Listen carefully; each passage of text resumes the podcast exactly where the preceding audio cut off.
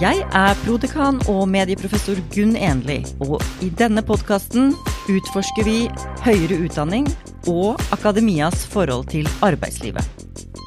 I dag er jeg så heldig å ha fått besøk av administrerende direktør i Finans Norge og tidligere styremedlem i UiO, Idar Kreutzer. Velkommen hit. Tusen takk. Du, Jeg har lyst til å begynne å snakke med deg litt om eh, en aktualitet. Vi kan jo lese i avisen at eh, regjeringen den avgående regjeringen har lagt fram sitt statsbudsjett. Hva er dine tanker om statsbudsjettet? Jeg hadde gleden av å være i vandrehallen i går og fikk førstehåndsinformasjon. Og du vet, altså dette er et budsjett øh, i tråd med forventningene. Uh, ikke dramatisk i noen retninger.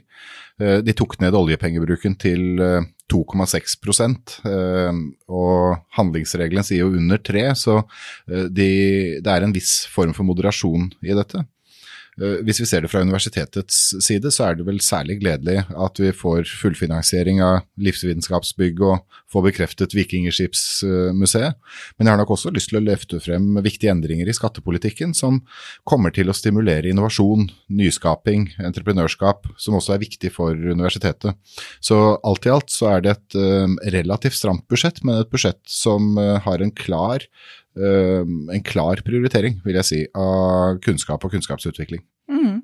Ja, Så vi behøver ikke å være for bekymret her fra universitetets korridorperspektiv, da? Nei, altså Det budsjettforslaget som ligger på bordet nå, eh, det vil jeg si er et eh, godt budsjett sett fra vårt ståsted. Og så skal jo den nye regjeringen inn og sette sitt stempel på det. Det er begrenset hvor mye de får gjort i løpet av noen uker nå i første budsjettet. Men vi skal være glade for at Og Kunnskaps-Norge skal være glad for at man har funnet plass til både Livsvitenskapsbygget og Ocean Space-satsingen i Trondheim i sa samme budsjett. Dette er tunge uh, satsinger, store investeringer, som bidrar til å styrke kunnskapsgrunnlaget i Norge og norsk konkurransekraft fremover. Mm, ja, du ser veldig fornøyd ut, og det betyr vel også at du, du føler fortsatt et veldig stort eierskap til universitetssektoren og ditt styreverv gjennom åtte år hvor Universitetet i Oslo har satt spor? Ja, altså, ja veldig. Uh, og jeg må jo si at de åtte årene har vært utrolig fascinerende. Eh, og spennende, inspirerende. Eh, så ja, eh, jeg har et varmt hjerte som banker for Universitetet i Oslo. Jeg kommer til å følge utviklingen veldig tett fremover. Ja, så Hvis vi fortsetter litt på økonomi, eh, vi som har lest perspektivmeldingen og følger litt med eh, bl.a. på statsbudsjettet og den moderasjonen som tross alt ligger der, og, og de framtidsutsiktene vi har, hvordan ser du på framtiden for eh, ja, hele sektoren egentlig, men kanskje UiO også spesielt? Altså, Hvis vi bare tar kortversjonen av det som står i den eh, perspektivmeldingen, så står det at Eh, Norge må løse to store utfordringer. Eh, det ene er omstillingen til lavutslippssamfunnet. Og det andre er at vi må skape ca. 25 000 nye arbeidsplasser hvert år i de neste 40, 000, nei, i de neste 40 årene. Altså vi må skape 1 million nye arbeidsplasser innen 2060. Eh, og de to tingene de kan utmerket godt fungere sammen. Fordi de nye arbeidsplassene kan skapes i forbindelse med det grønne skiftet som vi nå står midt oppi. Eh, på energisiden, på det brede teknologifeltet, eh, på en lang rekke samfunnsområder. Og det er jo det som er den samfunnsmessige konteksten som universitetet opererer i. Eh, jeg vet at relevans er et kontroversielt begrep, men sett fra Stortingets side, som bevilger penger til universitetssektoren, eh, så er det jo åpenbart slik at man forventer at universitetene spiller sin samfunnsmessige rolle. Og jeg er av de som mener, at, eh, som mener veldig sterkt at de endringene vi nå står midt oppi, de må være kunnskapsdrevet. Omstillingen til lavutslippssamfunnet må være kunnskapsdrevet. Og de nye arbeidsplassene som skal skapes, de må ha et tungt kunnskapskomponent bak seg for å sikre verdiskaping og sikre at man løser de viktige samfunnsutfordringene. Så universitetets rolle blir veldig viktig fremover. Mm, ja, i det grønne skiftet blir vår rolle sentral. Ehm, men eh, det pågår jo nå en debatt nå om UiO og andre universiteter og høyskolers rolle, eh, og, og, i hvilken grad det går i konflikt med prinsippet om akademisk frihet. Altså, også, du nevnte jo at relevans er kontroversielt. Altså, hva tenker du om det? Nei, altså jeg, jeg, tenker vel, jeg, jeg, tenker vel, to ting. Altså På den ene siden så fremstilles det jo som en motsetning uh, mellom grunnforskning på den ene siden og det å forsøke å anvende forskningen, ta kunnskapen i bruk på den annen side. Jeg ser ikke den motsetningen. Jeg har aldri sett den, uh, og jeg ser den ikke i praksis. Snarere tvert imot. Ved Universitetet i Oslo så prioriteres grunnforskning høyt. Dette er et forskningsbasert universitet og en av de fremste institusjonene på mange områder i, i Europa. Potensialet for å bli enda bedre er, er, stort. På den annen side så har vi stort potensial for å bli enda flinkere til å ta kunnskapen i bruk. Og her må vi kunne ha to tanker i hodet samtidig. Så det er liksom det ene jeg tenker. Det andre jeg tenker, det er jo det at Eh, du vet, alle samfunnsinstitusjoner, alle politikere med respekt for seg selv, alle bedrifter, bedriftsledere som eh, opererer i et marked, alle privatpersoner som gjør private innkjøp, de tenker jo gjennom den situasjonen vi nå er i som samfunn. Og det vil jo være en veldig rar verden om universitetet definerer seg ut av det og sier at vi lever på en litt annen planet. Naturligvis så lever vi på den samme planeten og må forholde oss til de samme utfordringene. Men som sagt, jeg ser ikke at det er en motsetning. Men det krever at vi er bevisste og har disse diskusjonene, og det skal vi helt sikkert fortsette å ha. Ja, og jeg tror jo at vi har fått helt nye briller å se verden med. Nå med klimautfordringene så, så ser vi ikke med de samme øynene som før, vi ser gjennom nye briller. Eh, og det blir jo foreslått i den eh, UiO-strategien at man skal ha bærekraftsperspektiver inn i alle undervisningsprogram, altså alle studieprogram og undervisningsopplegg. Og det kan jo være litt sånn merkelig hvis man ser på enkelte språk eller ja, eh, våre litt spesielle fag som kanskje ikke passer helt inn i den, den tankegangen om hva bærekraft er. Jeg, jeg, jeg, altså så, det er flere som problematiserer det, og jeg så Dagens Næringsliv på lederplass forsøkte å være morsomme på universitetets uh, bekostning. Syns det er helt feilslått. Uh, altså det, det, perspektivet jeg har på det, er at når vi inviterer unge mennesker inn uh, for et utdanningsløp ved Universitetet i Oslo, så må vi jo være klar over hva de har hodet fullt av når de kommer inn. Eh, og hvis de da inviteres inn i et tungt akademisk studium, hvor de ikke i hele tatt blir eksponert mot hvordan deres eh, studiesituasjon, deres fag, den kunnskapen de får, hvordan den relaterer seg til de store samfunnsutfordringene vi står foran, så tror jeg de blir skuffet, og jeg tror de blir forvirret.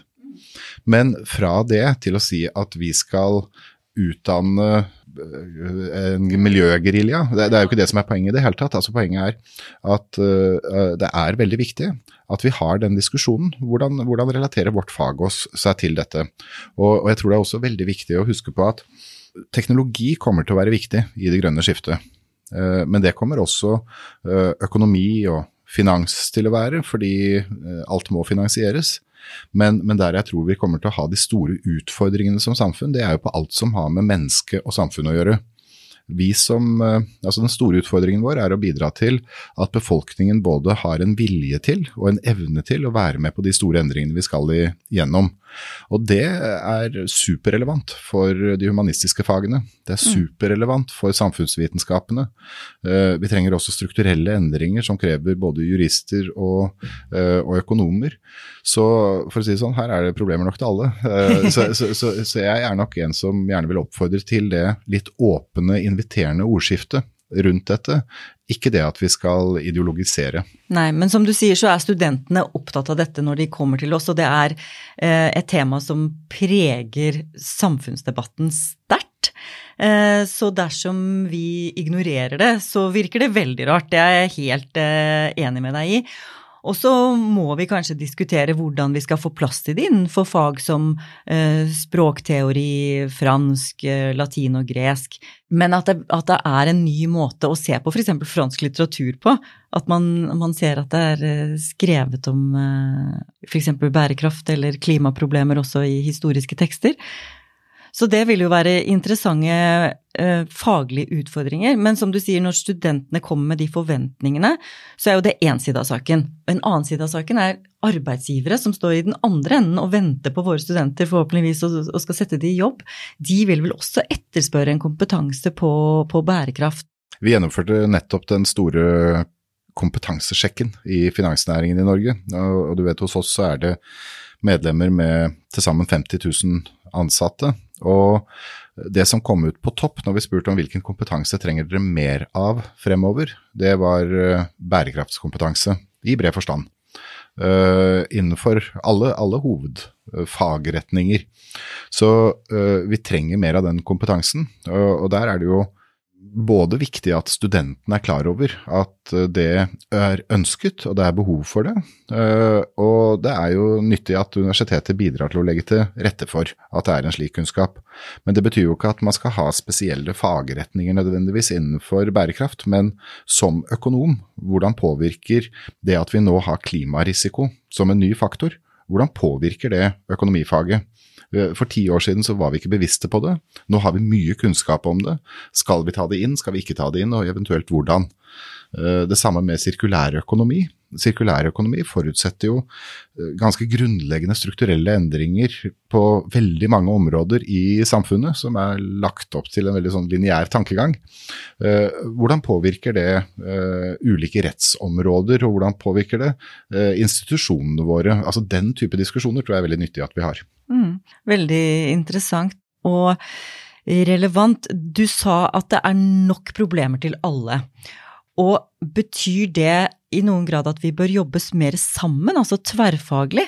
Ja, det, det, jeg tror det er liksom en, åpenbart en del av svaret. Fordi eh, det, det er ingen av oss som alene kan løse disse utfordringene vi står foran. Så her trenger vi et uh, godt samspill mellom ulike fag og fagretninger. Så tverrfaglighet uh, blir enda viktigere fremover, og det, det er også veldig interessant. I, i tillegg så, så, tror jeg at vi skal erkjenne at det finnes intelligent liv utenfor egen institusjon. sant? Sånn at Det å samarbeide mellom institusjoner, sånn som f.eks. man legger opp til nå i Oslo Science City-sammenheng, tror jeg er veldig veldig viktig. Og så er jeg opptatt også av at vi bryter litt ned disse sektorsiloene mellom offentlig og privat sektor, mellom universitetssektoren og eh, næringsliv, mellom oppstartsmiljøene eh, og akademia. Ikke sant? Sånn at vi samarbeider og samspiller. Jeg tror vi har veldig mye å tjene på det. Ja, og jeg var veldig lettet også for å høre at det var intelligent liv utenfor egen institusjon. Du mente jo ikke utenfor egen planet, fordi da begynner vi å bevege oss litt over på en annen tematikk, og jeg vil holde oss her på, på universitetet, da. Og for å nagle oss litt fast i det, du satt faktisk i UiO-styret i åtte år. Mm -hmm. Og jeg vet at du snakket fram mange av disse sakene, altså bærekraft, tverrfaglighet og relevans for samfunnslivet. Men hvordan var det for deg å delta i det styret, hva fikk du ut av det, og hva følte du at, eh, at var de største utfordringene ved Universitetet i Oslo som institusjon? For det første så har jeg jo møtt uh, uendelig mange flinke, altså utrolig flinke folk eh, som brenner for det de arbeider med. Eh, jeg har blitt veldig inspirert, og jeg håper jeg har lært mye. Jeg føler selv at jeg har lært veldig, veldig mye av å få lov å være med på dette. det som nok er, er noe av det mest utfordrende, det er det at Altså, Universitetet i Oslo er kanskje en av de mest komplekse institusjonene som jeg har eh, jobbet med. Og det henger jo sammen med hva slags type struktur det er, og, og, gjennomføringsmekanismer. Altså, Jeg kommer jo fra en rolle som konsernsjef i en stor virksomhet, og når konsernsjefen hadde bestemt seg, så ble det stort sett, uh, stort sett sånn. Uh, sånn fungerer det jo ikke helt på universitetet. Så det tok en stund før jeg skjønte hvordan eh, dynamikken er på en akademisk institusjon som, som universitetet, og hvilken rolle styret har. Uh, og, og det, det, er utfordrende, men det er verdt å bruke den tiden på å prøve å forstå det, og så jobbe med systemet i systemet, og ikke stille seg i en situasjon hvor man jobber mot systemet, for da får man i hvert fall ikke til noe. Nei, så Det tar litt tid å lære seg hvordan universitetet fungerer, og du sier at det er en annen beslutningsstruktur. Kan du beskrive den forskjellen? Ja, altså du vet at um, i veldig mange organisasjoner så er det sånn at man kjører en uh, prosess frem mot en beslutning, og så fattes det en beslutning, og så gjennomføres den. Uh, i, på universitetet så er det vel sånn til en viss grad. At beslutninger de tas til inspirasjon. Og, og, så er det veldig opp til det enkelte institutt eller det enkelte fakultet eller den enkelte uh, medarbeider, forsker, uh, hvordan beslutningene gjennomføres. Og langs én dimensjon så er jo det helt supert. Eh? Fordi vi skal ha stor grad av autonomi og akademisk frihet. På den andre siden så gjør det jo det, gjør det komplekst. Eh, særlig når du skal ta større strategiske beslutninger og, og retningsvalg. Eh, vil være utfordrende i en institusjon som dette. Og sånn Rent konseptuelt så har jeg tenkt på at altså hvis vi skal bruke sånn litt populære overskrifter på det, da, så Vi har jo alle hørt slagordet 'alle skal med'. Ja. Det, det, er en veldig krevende ambisjon på Universitetet i Oslo og på akademiske institusjoner. Eh, jeg, jeg, jeg tror mer på det konseptet 'vil du være med, så heng på'. Uh, altså at, jo, men ikke sant? Altså at, man, at, man, eh, setter i gang initiativer. Uh, man legger opp til tverrfaglighet rundt livsvitenskap. Og så er det en del som syns det er kjempekult å bli med å realisere den visjonen. Uh, men så er det ikke sånn at alle nødvendigvis har lyst til å være med på det. Og vel, vel, da får de gjøre noe annet. Men den derre positive drivkraften som skapes gjennom sånn vil du være med så heng på, det, det, har jeg veldig tro på som uh, styringsmekanisme på ja, ja. en institusjon som dette. Ja, at du får en god drahjelp. Vil du være med så heng på? Og så er det opp til hver enkelt. Og det vi ser er jo at det er en del ildsjeler som alltid henger seg på eller er med å, starte disse, disse bølgene. Uh, men det er vanskelig å få med seg alle, så det blir jo ikke alle skal med. Det blir noen sitter igjen og gjør det de alltid har gjort, eller er ikke med på endringer. Og jeg har vel også lært på et lederkurs at ca. 20% de får du aldri med deg. Så ikke bruk tid på de. Nei, fordi hvis man bruker all tiden på å få med den siste 5-10 prosenten, så, det er så få, ja. Eh, eller, 10, eller 20 prosenten, så, så, så, kan det hende at man bruker ressursene litt, eh, litt feil. Eh, så det å skape både engasjement og entusiasme, men også det å gi stimulans og insentiver, er jo viktig i den sammenhengen. Og vi ser jo tydelig at EUs mission-baserte programmer det er jo veldig sterke insentiver til tverrfaglighet og til uh, sektorsamarbeid. Uh, og Det samme ser vi jo i stadig større grad fra Forskningsrådet, og det samme ser vi også tydelige spor av på universitetet, f.eks. gjennom de tverrfaglige satsingene, og f.eks. gjennom at universitetet har tatt rollen som ankerinstitusjon i samarbeidet innenfor eh, Oslo Science City-rammen. Og Det er jo sånne positive insentiver mm. som jeg har veldig tro på at fungerer godt ved en institusjon som dette. Ja, og du satt jo i styret og, og, har jo også sittet i mange andre styrer, mm. eh, ikke bare UiO-styret. Eh, det vil si at du vet en del om hvordan styrearbeid foregår, og hva som er et godt styre, hva som er en god styreleder. Kan du si noe om det? Ja, jeg var styreleder i Posten f.eks. I, i syv år, og Posten har jo vært igjennom kanskje den største omstillingen noen institusjon, noen organisasjon har vært i, i, i Norge i moderne tid. Uh, og 17 000 ansatte i 16 land, så det er en stor, kompleks organisasjon det også. Jeg, jeg tror at uh, det, er, det er i hvert fall to ting, det er, det er, ganske mye, men det er to ting som er ganske viktige, tror jeg. Og det er å ha respekt for den rollen som den enkelte har inn i styret. Og hvis jeg da bringer det tilbake til universitetet, så sitter jo der Jeg var selv ekstern, en av fire som var utpekt av eieren av Kunnskapsdepartementet.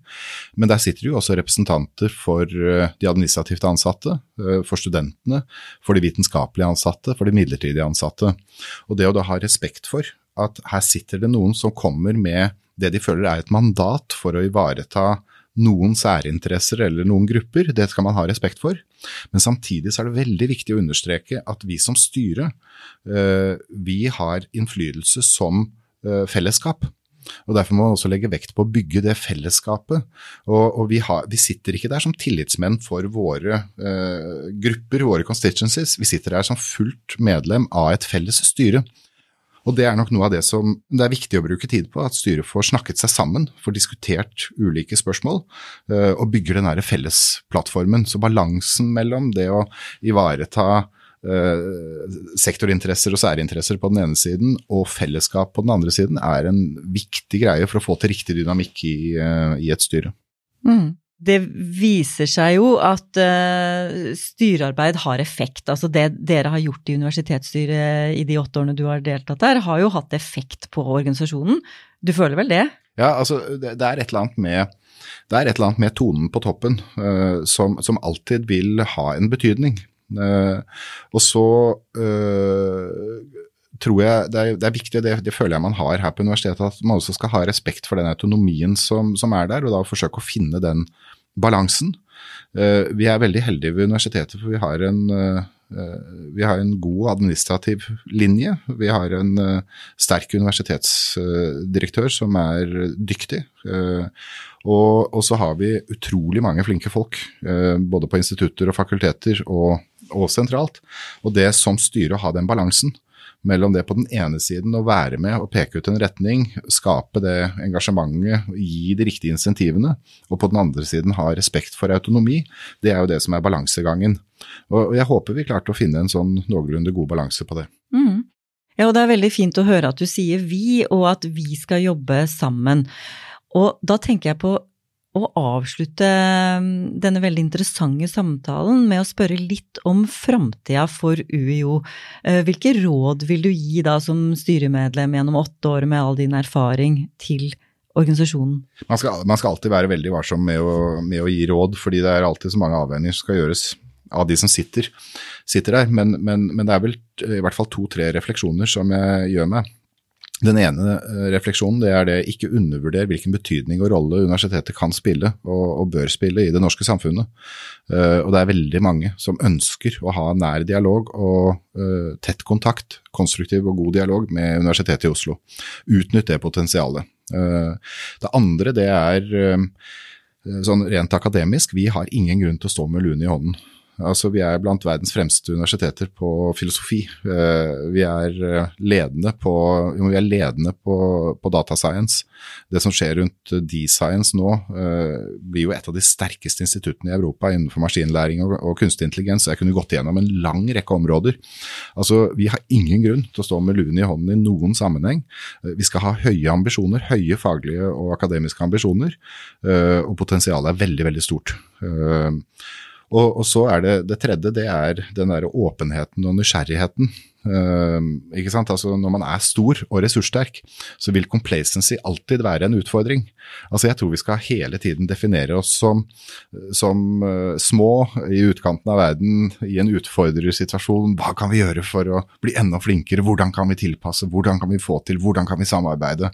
Altså Den der interessen, den nysgjerrigheten, den der hele tiden å ha lyst til litt mer, uh, tror jeg også er veldig nyttig å ta med seg. Mm. Ja, for det å være stolt og ambisiøs, men samtidig nysgjerrig og litt ydmyk, kanskje. Ja, veldig gode råd. Tusen takk for at du kom hit, Idar Kreutzer.